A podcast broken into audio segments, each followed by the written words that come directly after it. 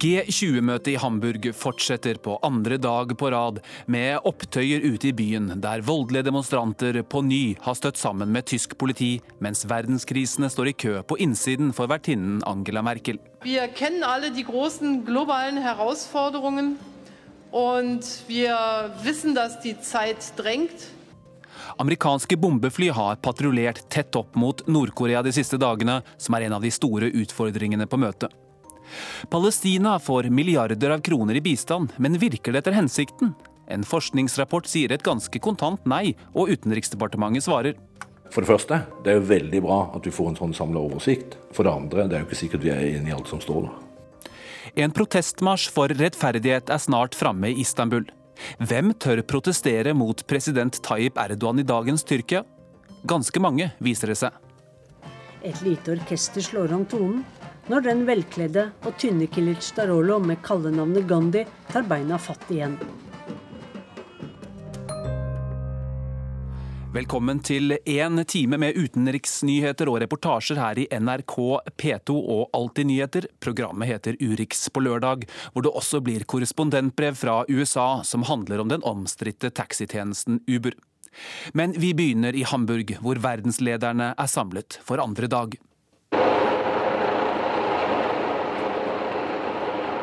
Her hører vi et helikopter som patruljerte i natt. Og aller først, eh, korrespondent Guri Nordstrøm, du følger møtet fra Tysklands nest største by, og er nå i en av bydelene hvor det har vært eh, opptøyer. Eh, hvordan ser det ut der du er? Ja, jeg er nå i Schanzenviertel. Det er en bydel som er kjent for sine venstreradikale. Og fortsatt er det slik at politihelikoptre eh, flyr over her, i ikke til en rekke feiebiler som nå er satt inn for å rydde opp. Jeg står her ved et supermarked som er helt uh, knust. På bakken ligger det en haug med handlevogner som er forsøkt satt uh, fyr på. Rett ved siden av her er det også knuste minibanker. Uh, og slik ser det ut over store deler av denne bydelen. Og jeg snakket med flere av innbyggerne her. De forteller at det har vært to helt forferdelige døgn med aggressive demonstranter som har gått helt berserk. Flere forteller at de har vært veldig redde og at de er sinte på politikerne som har tillatt uh, dette G20-møtet her. Jeg snakket med en som, uh, som sa at ja, mens vi har, vår bydel har stått i brann, så går borgermesteren vår på uh, konsert i Elbphilharmonien med de andre G20-toppene istedenfor å komme hit til sine egne innbyggere. Det er rett og slett frekt, sa han. Og så er det også planlagt en demonstrasjon i dag som virkelig kan bli stor.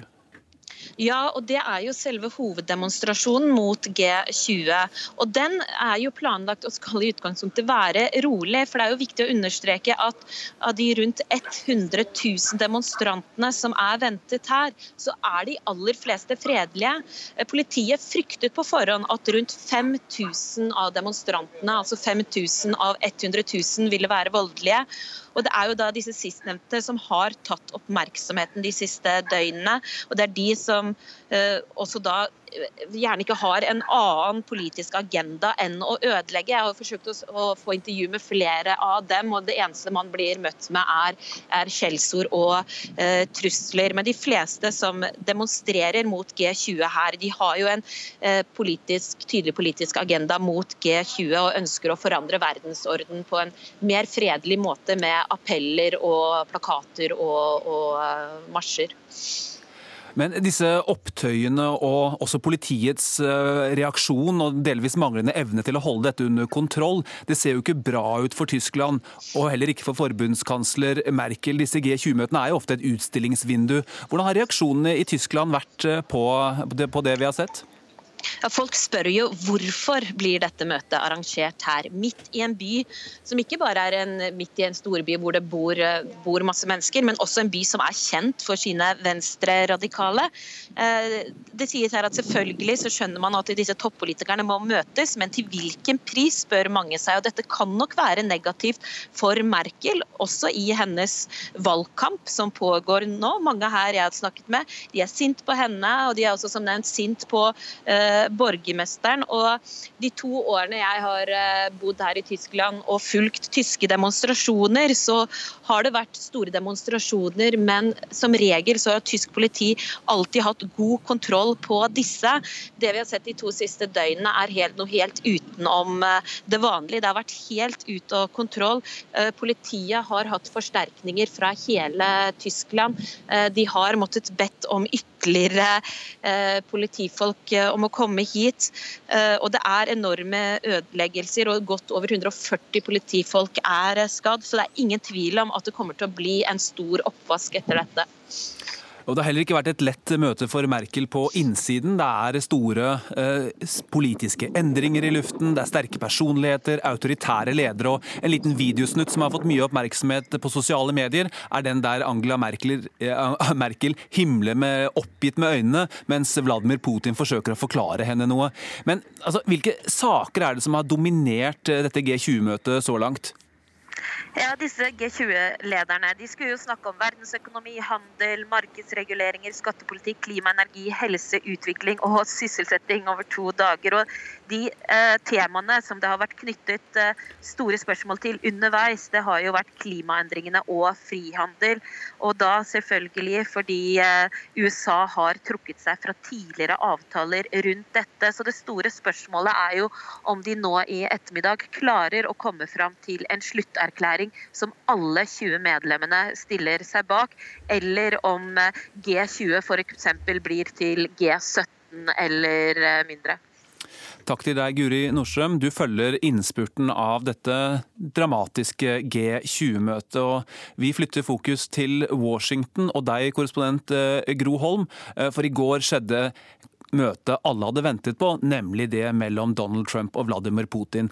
Det varte i over to timer, mye lenger enn først eh, planlagt. og det er klart at Sett fra ditt ståsted så er det vel slik at Russlands påståtte innblanding i det amerikanske valget eh, at det er det som får mest oppmerksomhet? Ja, absolutt. Eh, og på den ene siden så har jo reaksjonene vært veldig positive på at Donald Trump faktisk tok opp eh, den russiske innblandingen. Eh, og den har vært positiv over hele den politiske fjøla. Ifølge utenriksminister Tillerson så la jo Trump press på Putin og tok det opp ved flere anledninger under møtet. På den annen side så er det jo blitt lagt merke til her også at Russlands utenriksminister sa at Trump aksepterte Putins benektelse av at det har skjedd noen russisk innblanding i presidentvalget. Og Det var flere her i, i, går kveld som lurte på om Trump kanskje bare har nevnt dette i forbifarten. Og ikke minst fordi at han dagen før på en pressekonferanse i Warszawa sa at det kan være hvem som helst som har hacket det amerikanske valget. Det utsagnet ble jo veldig dårlig mottatt i det politiske miljøet her, og ikke minst i etterretningskretser, etterretningsorganisasjoner der fikk vi litt uh, problemer med kontakten med uh, Gro Holm i uh, Washington. Hva? Da skal vi se, Du datt ut litt her. Men nå er du tilbake ja. igjen.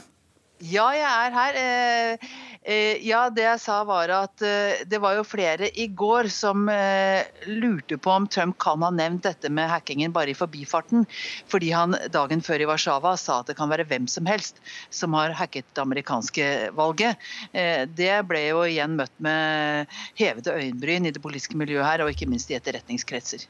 Så er det også en litt kontrast til den voldsomme anti, antirussiske til en viss grad talen han holdt i Warszawa av disse bildene av eh, to verdensledere som kommer forholdsvis godt overens, kan det se ut som. Eh, og noe de ble enige om, er en våpenhvile i sørvest-Syria. Eh, hva er betydningen av dette? Skal vi se, Vi har litt problemer med forbindelsen med Washington akkurat nå. Gro, hører du meg? Det gjør hun ikke. Vi går derfor til Nord-Korea, så prøver vi å få tak i Gro Holm eh, litt eh, senere. Eh, for Nord-Korea har vært et naturlig tema som har dukket opp i mange av sidediskusjonene og de offisielle bilaterale møtene på dette G20-møtet. Særlig da fordi Nord-Korea kom med sin prøveoppskyting tidligere i uka. Reporter Eirik Veum har kikket mer på denne saken.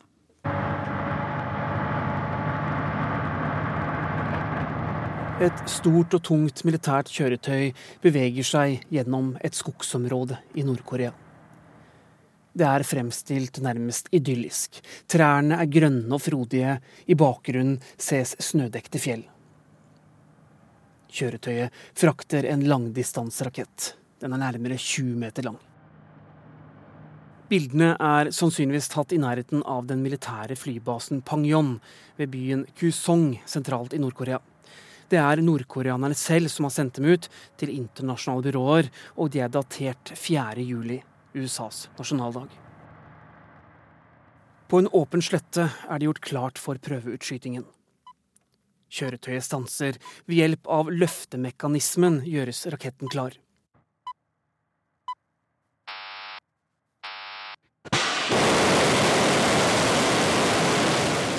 Nordkoreanerne hevder at denne langdistanseraketten kan frakte atomstridshoder og treffe mål hvor som helst i verden. De fleste internasjonale forsvarsanalytikere er noe mer forsiktige, men tror at denne rakettypen kan nå områder i USA fra Nord-Korea. Med denne testen har Nord-Korea skrudd opp temperaturen enda et par hakk. De lover i tillegg at USA skal få noe som kalles gaver om kort tid. Nok en gang skaper nordkoreanerne frykt. Onsdag denne uken, FNs sikkerhetsråd, er innkalt til hastemøte. USAs FN-ambassadør Nikki Haley har ordet. The United States is prepared to use the full range of our capabilities to defend ourselves and our allies. USA reagerer som forventet. De lover å gå i krigen med sine allierte hvis det blir nødvendig. Men de vil også innføre enda tøffere sanksjoner, slik at all handel med Nord-Korea vil stanse opp. 90% of trade with North Korea is from China. Det er en klar utfordring til flere land, men særlig Kina. Det meste av handelen Nord-Korea har, er nettopp med kineserne. Men for Kina er situasjonen komplisert. De merker det internasjonale presset, men har handelsavtaler og samarbeid med nordkoreanerne. Samtidig vil Kina selv bestemme sin utenrikspolitikk overfor Nord-Korea, og er opptatt av å holde en distanse til amerikanerne. Kinas FN-ambassadør Liu Jiayi ber derfor alle parter om å roe seg ned, unngå provokasjoner og krigsretorikk. Situasjonen på Korealøya må ikke få utvikle seg til en storkrig, mener kineserne, og de får støtte av Russland. Ja, vi har med oss eh, Gro Holm fra Washington eh, igjen. Og vi hørte her litt om det strategiske bakteppet, og mye av dette handler jo nå om Kina og USA og deres forhold, hvor også frihandel er en komponent. Eh, hvordan leser du G20-møtet hva Nord-Korea angår? Jeg tror ikke man kommer så veldig mye nærmere en enighet eh, når det gjelder virkemidler. Fordi Kina og Russland gikk jo ut på forhånd ganske høyt og foreslo en såkalt dobbelt frys. At, eh, at eh, Nord-Korea skal slutte å teste både raketter og sprengladninger, mens USA og Sør-Korea skal slutte å øve. USA vil heller da ha, som det ble nevnt her, økonomiske straffetiltak. De vil også kanskje ramme altså kinesiske foretak og banker og russiske foretak, russiske, russisk bruk av nordkoreanske gjestearbeidere som virkemidler. Eh, og det, Der kommer man ikke til noe enighet. og, og Senest nå i, eh, i, natt så har jo USA og Sør-Korea øvet med bombefly nær den demilitariserte sonen, altså nær grensa til Nord-Korea. De har også sluppet bomber som en del av den øvelsen, og det er jo akkurat som å vise fingeren så å si, til Russland og Kina, som nettopp har foreslått å fryse slike øvelser. Så her tror jeg ikke eh, USA, Kina, nei, Russland og Kina på den ene siden og USA på den andre har kommet noe særlig nærmere hverandre på, på G20-møtet. Men med det så er vi også oppe i en eh, farlig og meget utfordrende situasjon på mange måter. Og nettopp dette med disse bombeflyene som patruljerte der. Dette er B1 Lancer-fly, tunge strategiske bombefly som nå har patruljert eh, to ganger, eh, eller to dager på rad over Koreahalvøya. Og er egentlig, altså sett fra Washington, en militær inngripen en reell mulighet, når vi vet hvilke konsekvenser det vil få? Ja, altså De truer jo med det hele tiden, og det må de nesten gjøre hvis de skal ha noen eh, mening å ha militære øvelser og militære styrker til stede der i det hele tatt. Men det er jo ingen her som ser på den, det militære alternativet som særlig, eh, som særlig realistisk. Det vil jo det vil jo igjen da forårsake, eller eh, trolig, at Nord-Korea angriper Sør-Korea, som jo er en alliert. USA har rundt 30 000 soldater i Sør-Korea. Det er ikke noen, eh, noe alternativ som amerikanerne ønsker, fordi utgangen på det er jo helt eh, uforutsigbar og kan bli ganske dramatisk for USAs allierte. Så, så i realiteten så er det militære alternativet vel egentlig ikke på bordet i praksis. Og da står jo USA ganske avmektig igjen og blir avhengig av hva ikke minst Kina gjør eh, overfor Nord-Korea, som har de største pressmidlene i form av, form av handel. Takk til deg, Gro Holm, direkte med oss fra Washington. Vi holder oss litt eh, i Nord-Korea. For hva slags rakett var det egentlig som ble skutt opp tidligere i uka? Og hva har den nordkoreanske militærindustrien evner til å utvikle videre? Det kommer til å definere mye av verdenspolitikken i eh, ukene og månedene, og kanskje også årene som kommer. Og reporter Halvard Sandberg har sett nærmere på saken. 국가 핵무력 완성을 위한 최종 관문인 대륙간 탄도로켓 화성 14용 시험 발사 Ri Chun-he er egentlig pensjonert fra stillingen som nyhetsanker i den statlige nordkoreanske kringkasteren KCTV. Men da det store hadde skjedd, kom hun seg til TV-studio i hovedstaden Pyongyang. Lokalene ligger omtrent fire kilometer nordøst for den store paradeplassen i byen plassen der nye raketter vanligvis blir vist frem for første gang. Men det hadde ikke skjedd med raketten Ri Chun-he skulle fortelle om.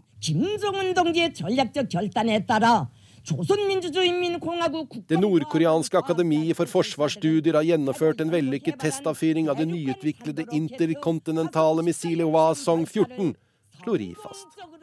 Og det var noe nytt, noe vesentlig nytt. Den ligner men er ikke helt lik raketten som ble sendt av gårde 14. mai i år.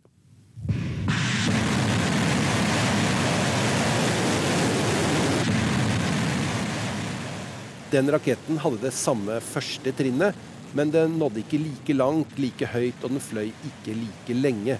Tall som forteller mye om ytelsen. Det vi ikke vet, er hvilket trykk raketten hadde i motorens brennkammer. Akkurat hva det nye andre trinnet er, og massen til det rakettene eventuelt hadde i nesepartiet. Det er denne manglende informasjonen som kunne ha fortalt oss om nordkoreanerne har en rakett som faktisk kan ramme storbyene i USA med en atomladning, eller om de fortsatt bløffer. Men det virker helt sikkert at Nord-Korea vil få en fungerende atomrakett som kan true New York. Vi går tilbake til den store paradeplassen.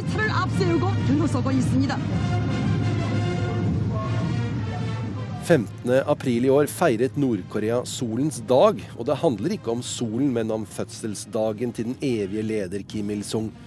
Tusenvis av soldater marsjerte over den store plassen. Folket vaiet med flagg og kom med patriotiske rop. Et utall av raketter ble vist frem. Men som sagt, ikke raketten som ble skutt opp 4.7.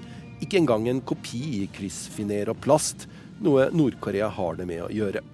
Fraværet, mener Nord-Korea-kjennere, er en indikasjon på det voldsomme tempoet i de nordkoreanske rakettfabrikkene. Et tempo som til slutt vil gi dem våpenet de ønsker. So in capability of missile terms delivery, it is a major step up, and they seem to be making progress week on week. Våpeneksperten Hamish de Bretten Gordon i det britiske forsvaret sier til Associated Press at dette er et tegn på et voldsomt tempo.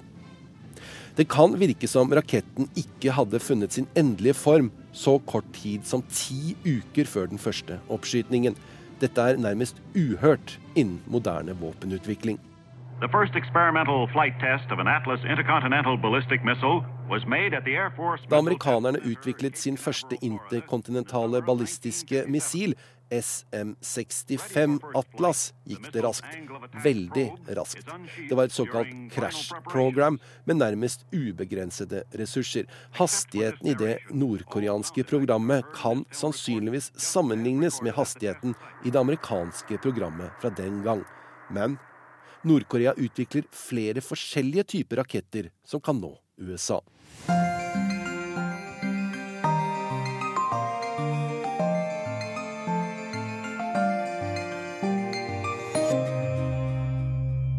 For det første, det er jo veldig bra at vi får en sånn samla oversikt. For det andre, det er jo ikke sikkert vi er enig i alt som står der. Her hører vi spesialrepresentant for Midtøsten, Tor Vennesland i Utenriksdepartementet. Vi kommer tilbake til ham litt senere. For nå skal det handle om Palestina, bistand og store penger. Norad har nemlig fått en rapport på bordet som sier at bistand til Palestina ikke fungerer. Og det trass i at det overføres milliarder av norske kroner hvert eneste år. Det er ikke et selvstendig studium, men en syntese av over 30 internasjonale evalueringer.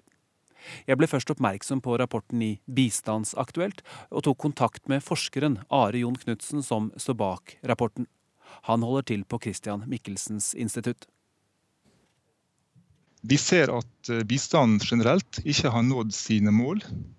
Og En av hovedkonklusjonene ikke så veldig overraskende kanskje, er jo at eh, israelsk okkupasjon er en veldig viktig grunn til dette. Hva slags eh, andre årsaker har dere sett? Nei, altså det er jo, det er jo, det er jo sektorspesifikke grunner som kan gjøre at, at bistanden ikke når sine mål.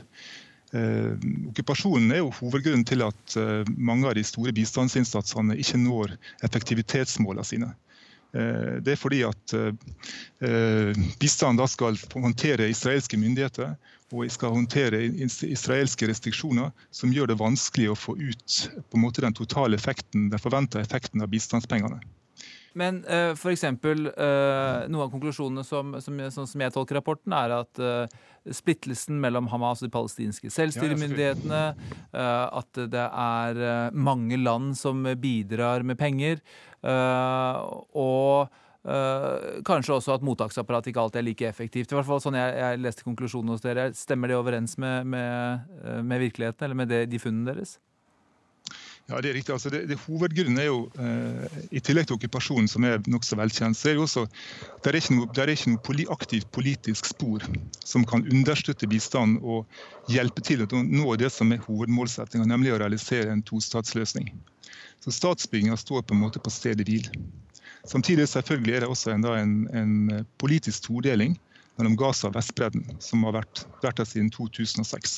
Og den gir også, gir også, store praktiske problemer for bistand. og Den betyr også at det palestinske folket og palestinske eh, nasjonen er delt i to. Og så er det så klart store koordinerings-, og korrupsjons- og legitimitetsproblem som kommer av delvis todelinga, måten den palestinske selvstyremyndigheten er satt opp på, og at man har en veldig stor og kompleks bistandsarkitektur med veldig mange land og veldig mange donorer som bidrar. Hvilke, hvilke summer er det snakk om her? Ja, altså, Bistanden Palestina, til Palestina har jo eh, vært uh, lenge over 3 milliard dollar i året. Uh, siden 2009 så synker den, og den er nå tilbake på 207-nivået. Det betyr også at de har et, et sånn kritisk finansieringsgap der er altså mindre penger som går til Palestina enn det gjorde tidligere. Og Vi tenker vel kanskje også at dette er et uttrykk for en donortrøtthet. Det betyr også at donorene ser kanskje at de ikke eh, lenger får eh, effekt av bistandskroner. Dagens bistandssystem har pågått lenge, og at eh, de derfor, derfor synker av total, totalsummen til, til Palestina. La oss stanse opp litt kort for å minne oss selv på hva vi mener når vi snakker om okkupasjon. I 1967 vant Israel krigen mot sine arabiske naboland og tok kontroll over de palestinske områdene på Vestbredden som Jordan hadde hatt herredømme over inntil da, og Gaza som Egypt hadde hatt makten over. I 1979 inngikk Israel en separatfred med Egypt, men beholdt kontrollen over de palestinske områdene. I 1987 startet den første intifadaen, det palestinske opprøret mot okkupasjonen. I 1994 ble Oslo-avtalen signert av Israel og PLO for palestinerne. Den skulle munne ut i to stater som levde side om side. Israel signerte samtidig en fredsavtale med Jordan. I år 2000 begynte den andre intifadaen. I 2005 trakk Israel seg ut av Gaza, men beholdt kontrollen over sjø-, luft- og landgrensen, med unntak av Rafa, som Egypt kontrollerer. Etter en intern konflikt på palestinsk side tok islamistgruppen Hamas over kontrollen i Gaza. Det har vært fire kriger mot Israel siden. De siste direkte samtalene mellom Israel og det palestinske lederskapet fant sted i 2010. Samtidig bygger Israel på okkupert land, noe som er forbudt i henhold til folkeretten. Rundt 600 000 israelere bor på okkupert område, enten i Øst-Jerusalem eller Vestbredden. Israel bestrider denne måten å se det på. FN har det økonomiske ansvaret for rundt fem millioner palestinere som ble flyktninger etter krigen i 1967 eller 1948. De befinner seg enten i det som i dag regnes som palestinsk territorium, eller de bor i leirer i nabolandene. Nå tilbake til intervjuet med Knutsen. Eh, et av funnene deres eh, dreier seg vel også om at mye penger forsvinner på veien og faktisk ender i eh, Israel. Hvordan henger dette sammen? Ja, Det er også et veldig interessant funn. Det er som du sier, at eh, penger, bistandspenger ender opp i den israelske økonomien. Det er også et fenomen som er lite omtalt. Der har vi selvstendige studier som eh, beregner at kanskje så mye som 70% av bistandspengene ender opp med å styrke den israelske økonomien. Det skyldes både kjøp av varer og tjenester i Israel. Det skyldes skattleggingsproblematikk og det skyldes moms, momsinntekter. Som betyr at veldig mye av bistanden som skal gå til Palestina, den ender opp med å kjøpe varer og tjenester og bidra til moms- og skatteinntekt i Israel. Og da vil vel kanskje mange spørre seg, når eh, man summerer opp eh, alt det du har sagt eh, så langt, er det egentlig noe vits å, å drive med bistand til Palestina? Ja, altså, jeg mener personlig at det, det, er viktig å bidra med bistand til Palestina. Eh, det er også sterk støtte i Norge, det har sterk støtte i hele Europa. Problemet er jo at bistand sitt hovedmål er å realisere en tostatsløsning. Og den eh, er, målsettinga er lenger unna den noen gang har vært. Den såkalte eh, roadmap to peace, eller denne målet om å få til en tostatsløsning, den står på stedet hvil. Eh, bistanden har som mål å realisere en tostatsløsning. og Det er derfor man er villig til å bruke så mye penger på å få det til. Når man ikke når dette politiske målet, så blir også, blir også hele grunnlaget for bistanden svekka. Jeg har nå tatt turen ut i Oslo sentrum og står ved Victoria terrasse. Foran dette staselige, men litt sånn bløtkakeaktige bygget eh, som huser eh, det norske utenriksdepartementet. Her skal jeg treffe Tor Vennesland. Han er eh, diplomat. Han jobber med Midtøsten-spørsmål og er nestoren innenfor det norske Midtøsten-diplomatiet. Han har vært med på det som finnes av oppturer og nedturer siden Oslo-avtalen på midten av 90-tallet.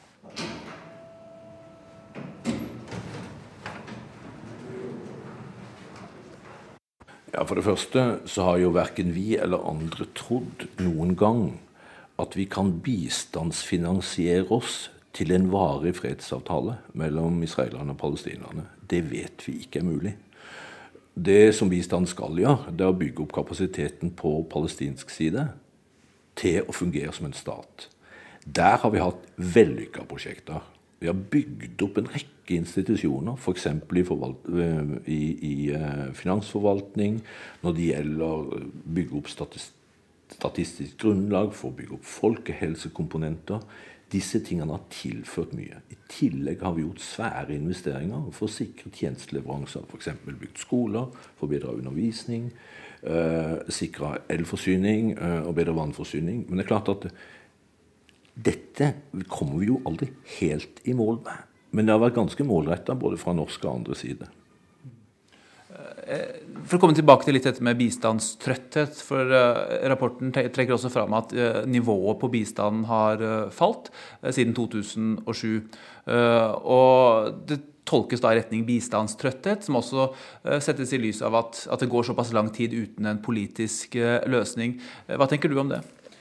Ja, her syns dere rapporten trekker fram funn som jeg finner å være litt upresise. Eh, for det første, den kraftigste økninga vi hadde i bistand i de siste ti årene, hadde vi etter at det ble en palestinsk samlingsregjering i mars 2007. Da kom det store arabiske bidrag, og bistand lå helt på topp i 2008. Så hadde vi tilsvarende en voldsom mobilisering bak statsbyggingsinitiativet til Fayyad i Paris-konferansen i desember 2007. Disse pengene strakk seg utover i 8, 9 og opp til 11. I 11 fikk vi den arabiske våren. Da hadde vi på en måte kjørt vi hadde kjørt institusjonsbyggingsperspektivet til ende. Det var ikke noe endring i den politiske dynamikken mellom israelerne og palestinerne. Og vi fikk en helt annen utfordring i forhold til den humanitære krisen som kom ut fra Syria. Eh, og sammenbruddet i flere arabiske land.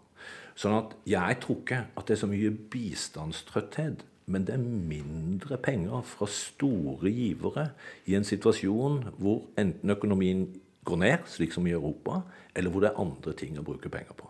Og så kan det være en porsjon trøtthet. Det er mulig, men det er ikke en hovedforklaring.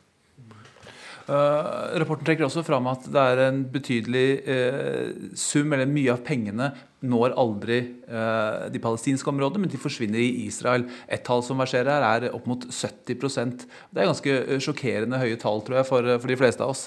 Hva tenker du om, om, dette? Ja, Nå er det jo litt spørsmål om hva han snakker om. Det er jo ikke slik at hvis en gir ti dollar til et prosjekt i Palestina, så forsvinner de pengene rett ned i lomma på en israeler. Det er mer komplisert enn som så. Den palestinske, det palestinske området produserer veldig få varer og tjenester. Hvis de skal ha en supply line til 2,5 millioner mennesker på Vestbredden og 2 millioner i Gaza, så må de kjøpe de varene og tjenestene. De kjøper de enten i Israel eller i Jordan eller i Egypt. I tillegg til det lille de produserer selv.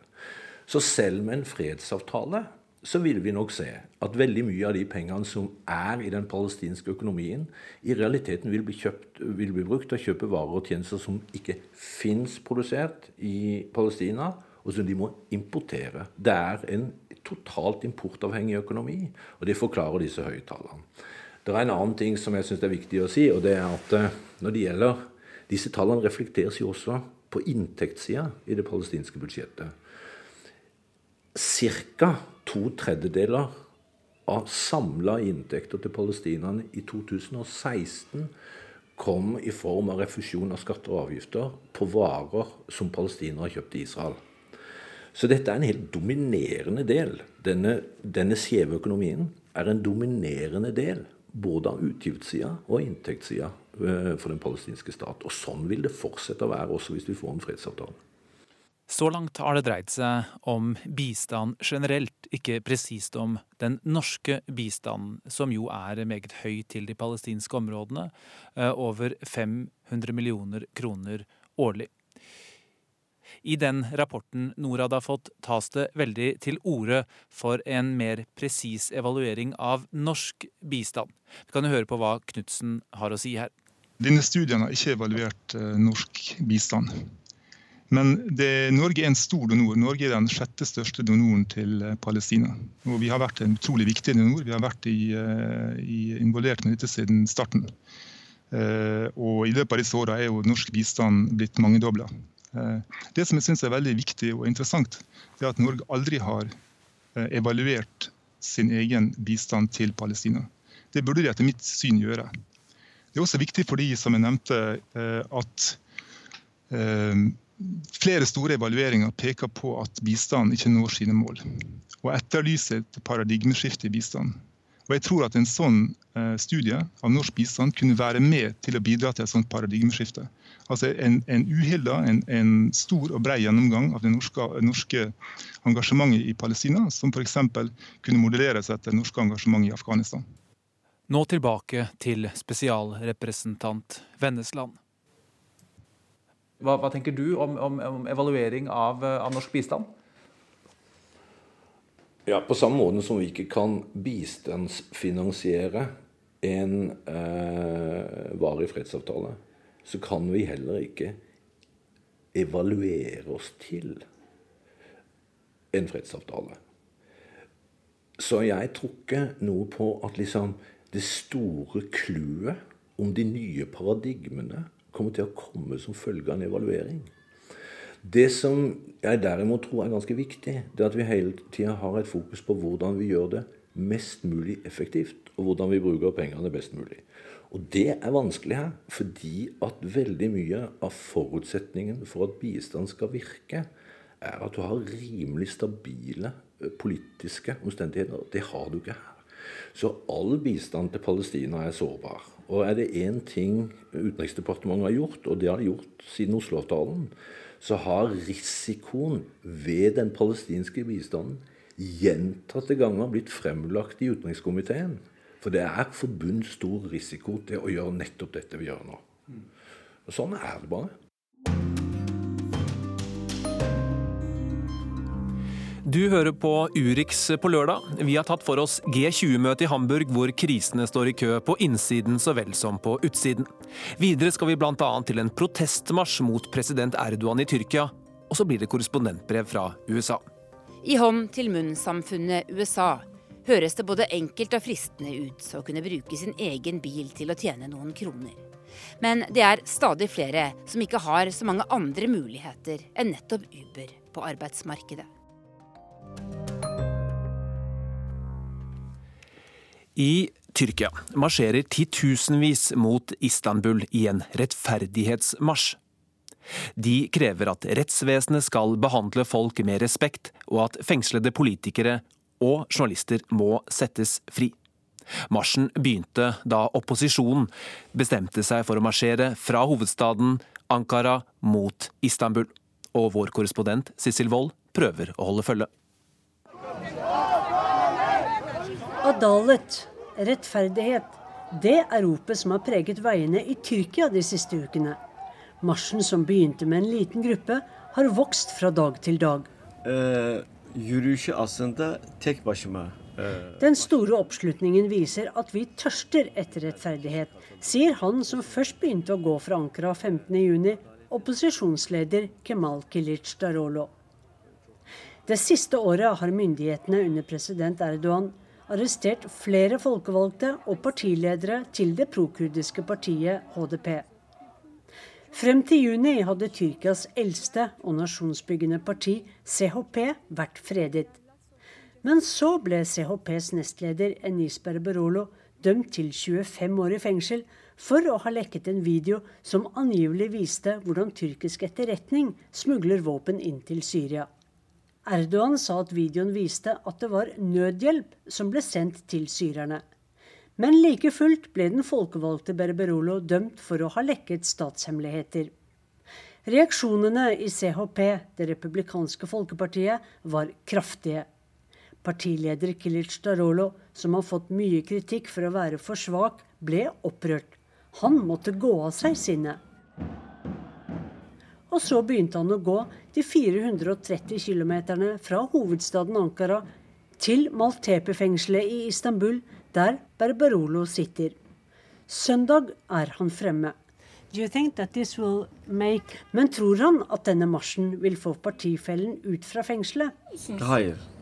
Nei, svarer han kontant.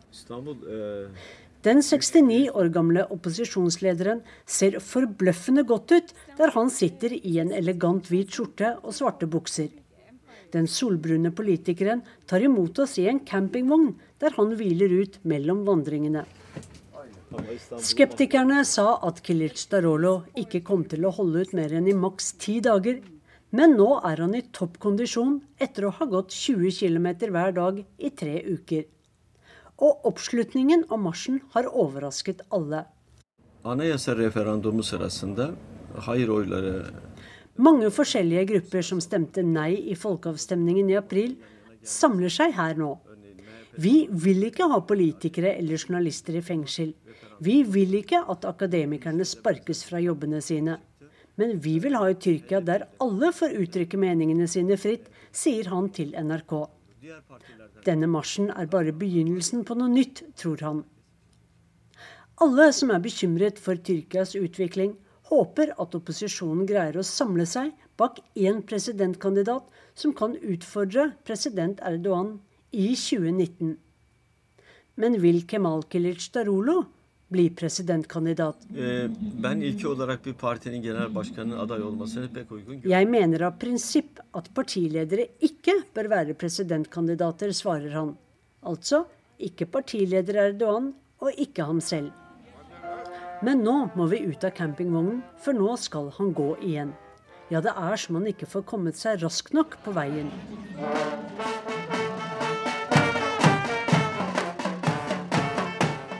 Ute er det rene folkefesten. Et lite orkester slår om tonen når den velkledde og tynne Kilic Darolo med kallenavnet Gandhi tar beina fatt igjen. Og for et tempo han holder! Vi må småløpe for å holde følge med 69-åringen, og til slutt mister vi ham. Vi virvles inn i mennesketoget. Her treffer vi et par skuespillere som går for å protestere mot at de ikke får spille Shakespeare lenger på tyrkiske scener. Vi snakker med en blind mann som heter Hussein. Han har gått i alle de 23 dagene fra Ankara. Jeg går for mine barn og barnebarn og for landets fremtid, roper 61-åringen til oss, mens vi småjogger ved siden av ham. I rask gange slår han den hvite stokken fra side til side for å ikke kollidere med noen. Han liker ikke å bli oppholdt, fordi da mister han rytmen, sier han, og så går han fra oss. Langs veien tuter møtende biler begeistret når de ser det kilometerlange toget, mens andre buer og roper slagord til støtte for Erdogan. Why are you joining? Because I feel very uh, upset and uncomfortable with all the injustices going on. Jeg er opprørt over at politikerne settes i fengsel, og at så mange akademikere har sagt opp fra jobbene sine, sier småbarnsmoren Orak Akman på 32 år. Men hva skjer når flere tusen mennesker ender opp i Istanbul i morgen? Blir massemønstringen spylt bort med vannkanoner, eller vil alt foregå fredelig for seg som til nå?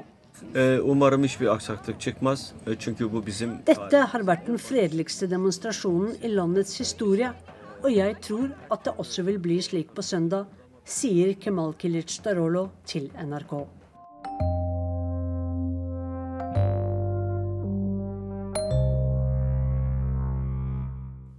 Nå til Sør-Amerika og et Brasil som er i krise.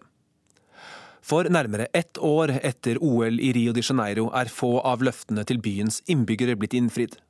OL-anleggene forfaller, samtidig viser en ny undersøkelse at prisen for arrangementet var enda høyere enn det som hittil er opplyst.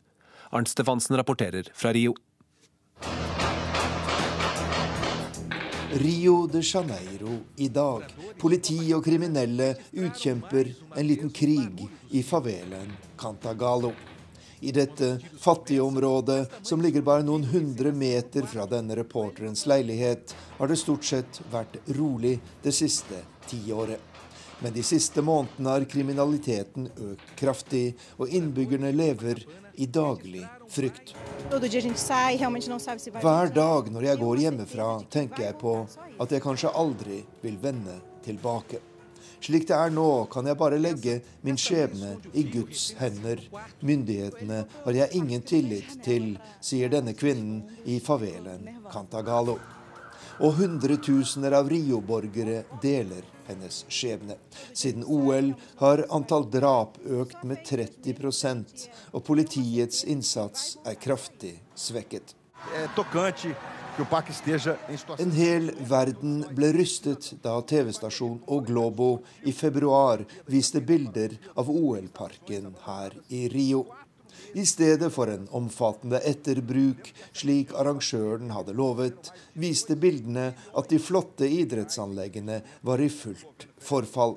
Og forklaringene lød lite betryggende. Det som har skjedd, er at landet har fått en ny regjering, at private investorer ikke har vært interessert i å overta, og at enkelte løfter ikke er blitt holdt, sier Patricia Amorin, talskvinne for Rios byregjering. Men hun lovet å få fart i sakene. I dag, nærmere et halvt år senere, er situasjonen praktisk talt den samme. Brasil-fansen jubler for hjemmelaget under OL-åpningen mot de norske håndballjentene i august i fjor. Kampen går i Arena do Futuro, fremtidsarenaen som ikke bare var sentral under OL, men var tiltenkt en helt spesiell rolle etterpå. OL-direktør Roberto Einbinder fremhevet dette i en rekke intervjuer. Vi har et eksempel med stor symbolikk i håndballarenaen.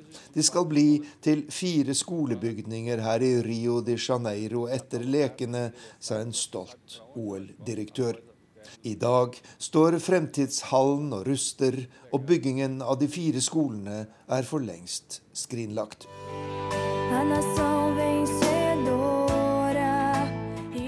Nassau Vencedora, en vinnernasjon, er tittelen på denne OL-sangen. Og på ett område er den treffende. For Brasil gjorde sin beste OL-innsats noensinne med 19 medaljer, hvorav sju i gull. Men nedturen etter idrettsfesten har vært brutal, og regningen blir stadig høyere. De siste tallene viser en totalsum på 110 milliarder kroner, nærmere 50% mer enn det som var planlagt i 2009, da Rio ble tildelt de olympiske leker, til enorm jubel fra byens innbyggere. Rio de Janeiro.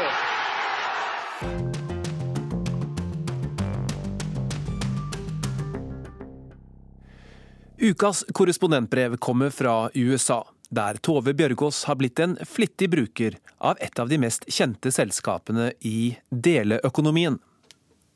Vær så snill å gi meg fem stjerner, sier Maximo. Han har kjørt meg og sønnen min den korte veien fra hotellet vårt i Orlando til en pizzarestaurant i sin slitte, grå Dodge Caravan. Konkurransen er så tøff her nå, sier han, og de har satt ned prisene igjen. Turen på drøye to kilometer kommer på knappe 50 kroner. Det er mye billigere enn taxi. På veien får jeg både tips om barnevennlige restauranter og halve livshistorien til Maximo, som flyttet hit til USAs turistmagnet fra Texas for noen år siden. Han forteller at han kjører Uber når han er ferdig med den vanlige jobben sin. Kvelder og netter, mer og mer egentlig, for det er aldri godt å si hva han faktisk kommer til å tjene. Jeg har snakket med hundrevis som Maximo de siste tre årene. For det finnes mer enn 600 000 av dem i USA nå. Å google har lenge vært et verb. Nå har å ubre også blitt det. Og jeg ubrer nesten hver eneste dag her i USA. Selskapet 32 år gamle Travis Kalanick og nesten like unge Gareth Camp satte i gang med 1,4 millioner kroner i startkapital i 2009 har vokst til et enormt globalt foretak. Målet deres var å formidle kjøreoppdrag mellom passasjerer og sjåfører som benytter sine egne biler. Selskapet har kjempet mot taxinæringen og myndighetene i mange byer, og er blitt kritisert for en pubertal bedriftskultur med kjønnstrakassering og andre problemer, som i juni tvang toppsjef Kalanick til å trekke seg. Men Uber har vært en kjempesuksess i dag verdt mer enn 580 milliarder kroner. Uber er blitt selve episenteret for delingsøkonomien i USA, hvor selskapet har fått etablere seg langt friere enn i Europa. Det har rett og slett endret livene og vanene til oss som bor her. Årsaken er enkel. Det er dette vi forbrukere vil ha. Derfor ble det f.eks. folkelig opprør da myndighetene her i Washington forsøkte å innføre minstepriser for taxier uten løyve i 2012. Byrådet ble tvunget i kne. Nå kjører vi Uber dagen lang, og det er ofte billigere enn å ta med bilen inn til sentrum og parkere den der. Her i den amerikanske hovedstaden var vi vant til skranglete taxier med sure sjåfører som ikke tok kort, som ikke kom når du ringte, og som for ikke så mange årene siden kunne plukke opp flere passasjerer underveis og ta like mye betalt fra alle. Nå er det helt annerledes. I skogbrynet utenfor Washington, der jeg bor, kommer det alltid en Uber innen ti minutter, når som helst på døgnet. Du kan se hvor bilen er, og at den nærmer seg på kartet. Du kan trykke på en knapp og ringe sjåføren om han eller hun skulle rote seg bort. På flyplassen er taxikøen borte mens køen av ledige taxier blir lenger og lenger. På fortauet der privatbiler plukker opp folk, står imidlertid horder av nyankomne passasjerer med smarttelefonene sine og speider etter en Toyota Corolla, eller hva det nå måtte være for en bil Uber-sjåføren deres har. Du betaler med kort og slipper å styre med tips. Det eneste du bør gjøre, er å vurdere sjåføren og gjerne gi fem stjerner når turen er slutt. Da blir både du som kunde og sjåføren mer populær i Uber-universet. Hvem er det nå som blir Uber-sjåfør i USA? Det er slike som Maximo i Orlando, som sper på inntekten sin ved å kjøre. Det er nyutdannede fra landets universiteter som flytter til en ny by og trenger å tjene penger mens de venter på å få sin første jobb. Men det er også stadig flere som bare ikke får noe annet å gjøre. Uber har inngått en avtale med Toyota i USA om at sjåfører kan lease biler. Hjerteskjærende historier om slike sjåfører har også de siste månedene dukket opp i mediene. Som den om høygravide Maya, som ikke tjente nok i den vanlige jobben sin i helsevesenet og ikke fikk betalt fødselspermisjon. Hun pantsatte en gullring og leaset en bil fra Uber for 215 dollar i uka. Maya kjørte Uber helt fram til fødselen, men klarte ikke å tjene nok til å betale kostnadene for bilen en gang, fortalte hun til Washington Post. Seks dager etter at hun hadde født, måtte Maya Warren igjen begynne å kjøre. I mange byer har kjøringen også blitt mindre lønnsom fordi prisene er blitt satt ned for å skjerpe konkurransen. Her i Orlando er det altfor mange sjåfører, forteller Maximo mens han navigerer gjennom trafikken. Og den neste sjåføren som kjører meg til Disney World, en amerikansk-kinesisk mann, underskriver på det. Det er vanskelig å tjene nok og det er vanskelig å vite hva en kommer til å tjene. En snakker gjerne mer med en Uber-sjåfør enn med en taxisjåfør. Det føles bare mer naturlig. Og etter tre år som hyppig Uber-passasjer kunne jeg nok vurdere å lage podkasten Uber-fortellinger. Den kunne f.eks. handle om Ignacio, som kjørte meg til flyplassen i Baltimore en tirsdag kveld. På veien diskuterte vi den økonomiske krisen i Puerto Rico, øya økonomen nettopp hadde flyttet fra.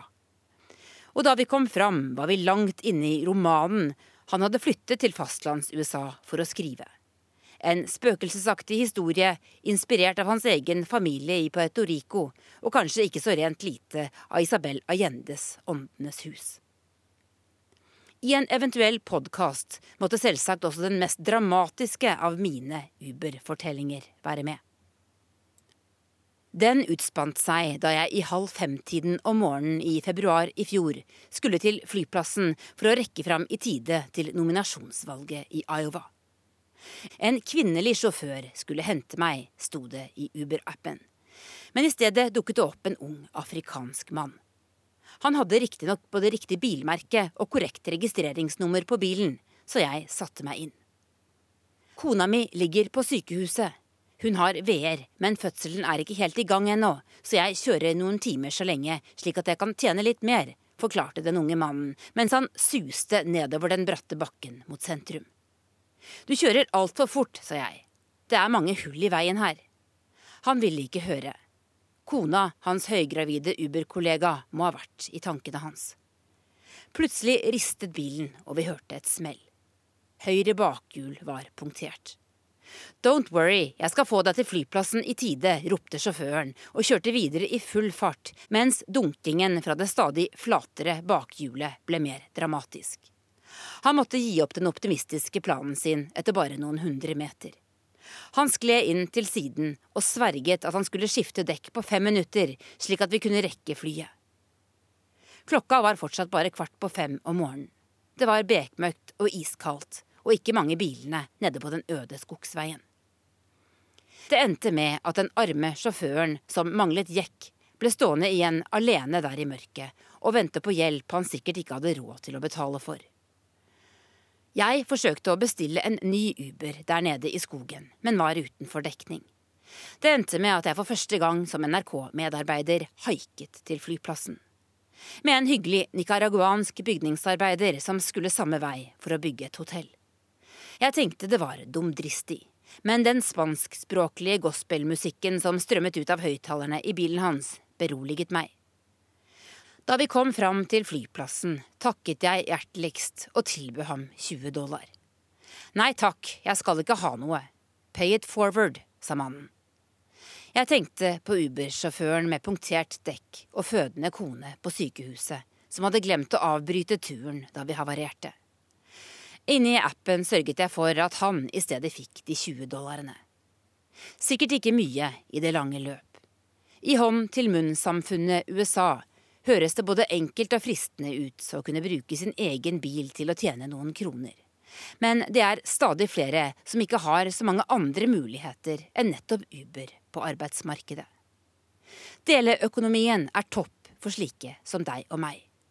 Men mange av sjåførene jeg har møtt de siste årene, kan altså fortelle en helt annen historie om nettopp den. Og med dette er denne utgaven av Urix på lørdag slutt. Teknisk ansvarlig var Hans Ole Hummelvold. Produsent var Ulf Tannes Fjell. Og her i studio satt jeg, Sigurd Falkenberg Mikkelsen. På gjenhør.